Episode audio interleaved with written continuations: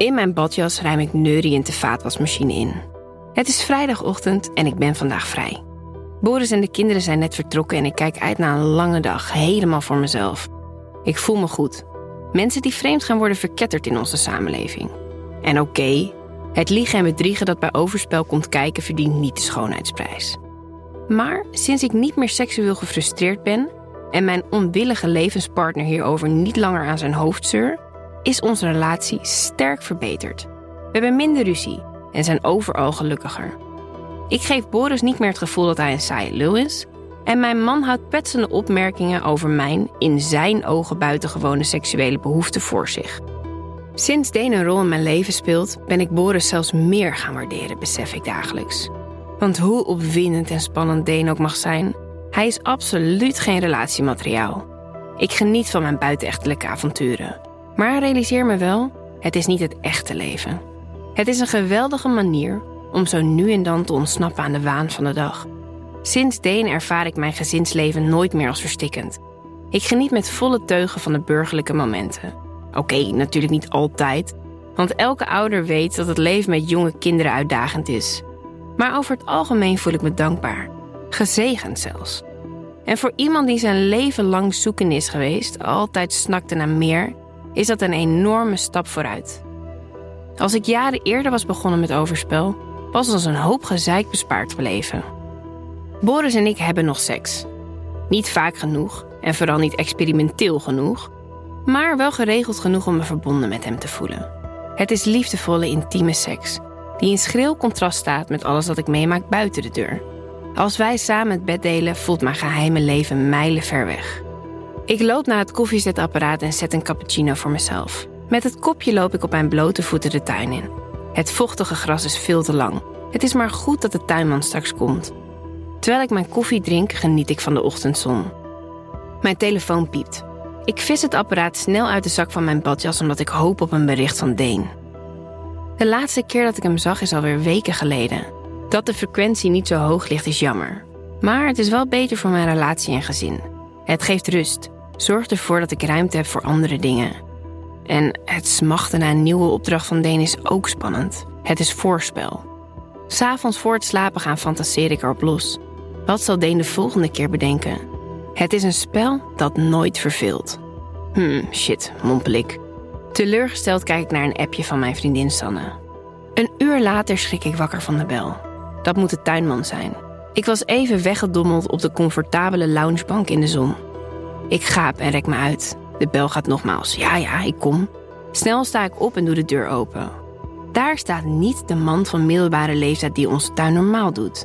Hoi, ik ben Ryan. Mijn collega is ziek. Ik val in, zegt hij met een scheve grijns. Ik staar de man die voor me staat langer aan dan beleefd is. Dat besef ik zonder mijn blik van hem los te kunnen maken. Hij heeft felblauwe ogen, een karamelkleurige huid en brede schouders. Zijn armen zitten onder de tatoeages. Uh, oh, hoi. Ik ben Charlie, stamel ik en ik doe een stap opzij. Terwijl ik Ryan voorga naar de keuken, haal ik haastig een hand door mijn haar. Had ik maar wat aan mijn uiterlijk gedaan. Of in ieder geval even mijn tanden gepoetst. Ik schraap mijn keel. Wil je wat drinken? vraag ik. Ja, lekker. Doe maar wat fris. Het is warm vandaag, zeg. Ryan zet schijnbaar gedachteloos een stap mijn kant op. Ik deins achteruit, bang dat hij mijn slechte adem ruikt. Ja, dat is het zeker, zeg ik met een stem die vreemd hoog klinkt. Uh, nou, daar, daar is de tuin. Ik wijs nogal stompzinnig naar de tuin, al is die niet te missen. Ah, oké. Okay. Knikt kort. Blijkbaar vat hij dit op als een teken dat ik geen zin heb in smalltalk. Want hij loopt naar buiten en begint zijn gereedschap uit te stallen. Ik ren de trap op. In de badkamer was ik me haastig met een washandje. Ik poets mijn tanden, spuit een beetje parfum op en breng subtiel mascara aan. Zo, dat is beter. Ik schiet in een spijkerrokje en een witte tanktop die mooi staat bij mijn zongebruinde huid. Vanuit het raam in de slaapkamer kijk ik naar beneden de tuin in. Ryan is bezig met het snoeien van onze rozenstruik. Wow, het lijkt wel alsof ik in een porno-cliché ben beland. Wat is dit voor bizarre situatie? Sinds Deen mijn dates voor me regelt, heb ik nooit meer volledig het initiatief genomen. Maar nu schreeuwt alles in mij. Actie ondernemen, hem moet ik hebben. Mijn hart slaat een slag over bij het vooruitzicht de tuinman mee te sleuren naar de keuken. Ik stel me voor hoe ik mijn handen over zijn gespierde lijf laat glijden. Oké, doe even fucking normaal, Charlie. Ik roep mezelf tot de orde. Ik verbied mezelf te flirten. Straks loop ik een blauwtje en vertelt hij door aan zijn collega's. Of straks wordt onze vaste tuinman er nog van. Nee, dat risico ga ik echt niet nemen. Met kalme tred loop ik de tuin in met een glas limonade met ijs. Ik overhandig Ryan het drankje en wil me direct weer uit de voeten maken. Wacht even, houd even voor me vast, oké? Ik neem het glas weer van hem aan en kijk stom verbaasd toe hoe hij zijn shirt uittrekt. Sorry hoor, maar het is zo warm. Oh, geen probleem. Ik slik. Oké, waar hangen de camera's? Vermoedt Boris dat ik vreemd ga en probeert hij me soms in de val te lokken? Ryan neemt het glas weer van me aan en klokt het achterover. Een druppel condens valt van het glas op zijn torso en rolt langzaam naar beneden, richting zijn kruis. Ik volg de druppel gefascineerd. Als ik weer opkijk, kijk ik recht in Ryans lichtblauwe ogen. Hij houdt mijn blik vast. Mijn hartslag slaat op hol. Oh oh, denk ik bezorgd. Hey, Charlie? Uh, ja? Deen is een tijd in het buitenland, maar hij wil dat je weet dat hij je niet vergeet. Ik hap naar adem. Verbijsterd staar ik de tuinman aan. Hoe de fuck heeft Deen dit nou weer geregeld? Mijn hersenen draaien op volle toeren. Dan herinner ik me dat ik mijn Google Agenda met Deen heb gedeeld. Nu alweer een paar weken terug. Deen kan sindsdien afspraken plannen op mijn vrije momenten, zonder dat we eerst telefonisch moeten overleggen. Zo wordt de kans dat Boris argwaan krijgt kleiner. Geniaal. Maar mijn eigen tuinman afzeggen en verruilen voor een van hem? Holy shit, dat gaat ver. De tuinman leest het ongemak blijkbaar van mijn gezicht, want hij knikt me geruststellend toe. Ik kan vandaag ook alleen je tuin doen, Charlie. Als jij dat wil.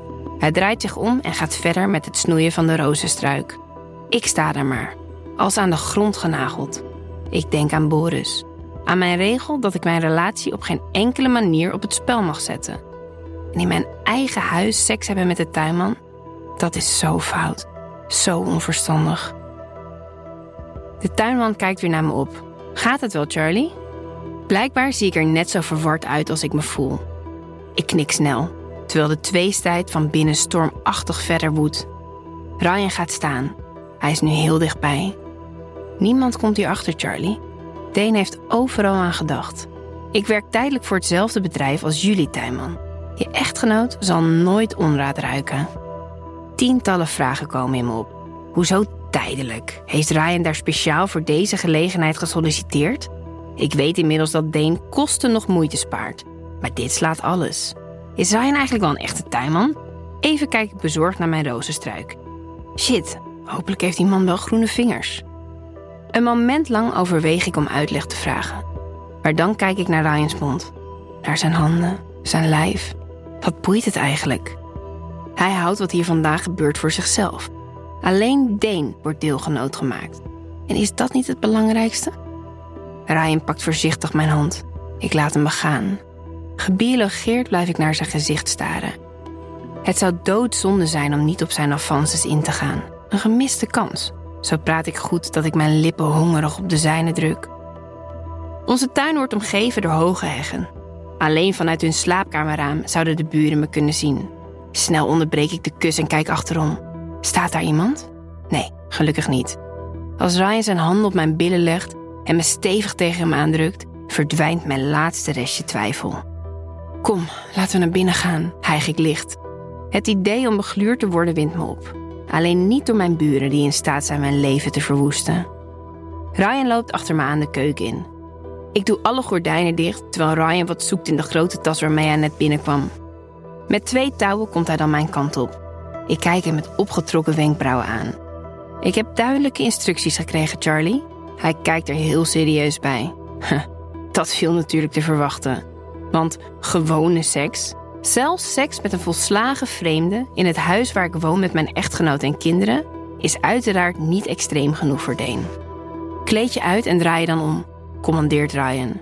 Gewillig doe ik wat hij van me vraagt. In alleen een string leun ik op mijn ellebogen tegen het kookeiland. Dan kijk ik achterom, over mijn schouder. Ryan staat recht achter me, gewapend met de touwen.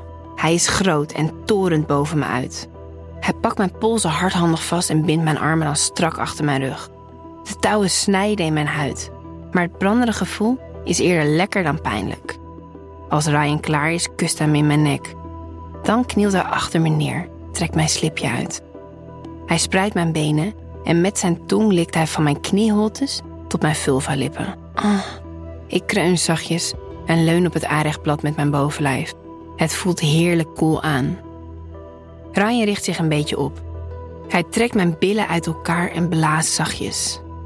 Dan draait hij rondjes met zijn tong op de plek van mijn stuitje en daalt af naar beneden.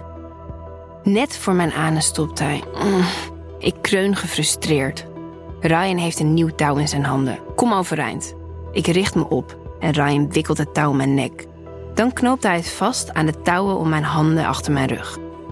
Voor overleunen kan nu niet meer, merk ik meteen. Ik moet blijven staan. Anders wordt de adem me benomen door het touw. Vertrouw me, Charlie. Ik heb heel veel ervaring met bondage, zegt hij. Terwijl Ryan opnieuw tussen mijn billen likt en zijn tong in mijn achterste duwt, vinden de vingers van zijn rechterhand mijn clitoris. En of die vingers nou groen zijn of niet, hij weet precies hoe die ze moet bewegen. Ik kreun en laat me een beetje voorovervallen. Het touw snijdt in mijn nek, beneemt me de adem en ik voel me een beetje draaierig worden. Op een lekkere manier. Het zuurstofgebrek zorgt ervoor dat het gonst in mijn hoofd. Niet alleen mijn clitoris klopt, maar mijn hele lijf lijkt mee te doen.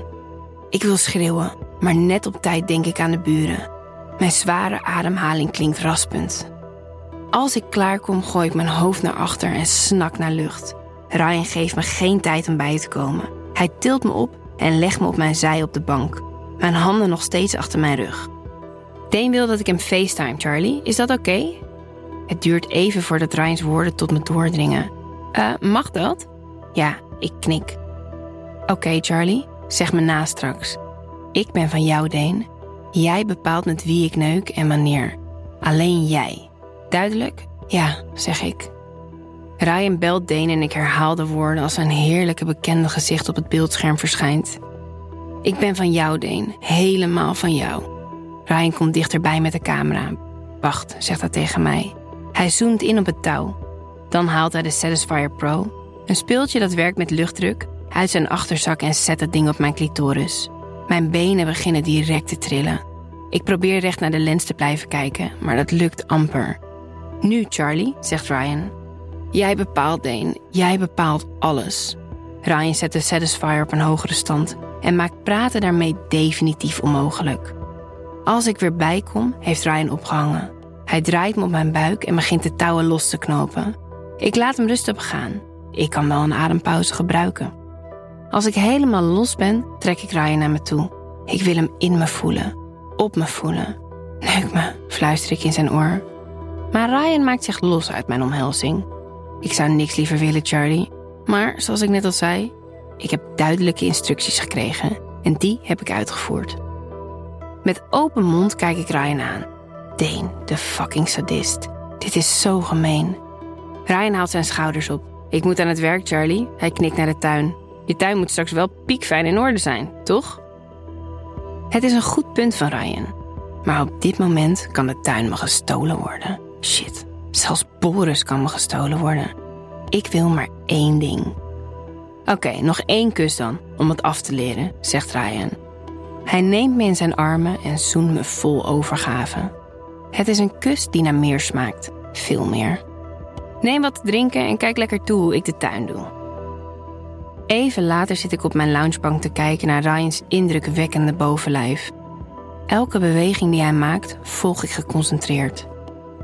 En als hij me aankijkt van over zijn schouder, reageert mijn lijf fysiek. Het is een marteling, een heerlijke marteling.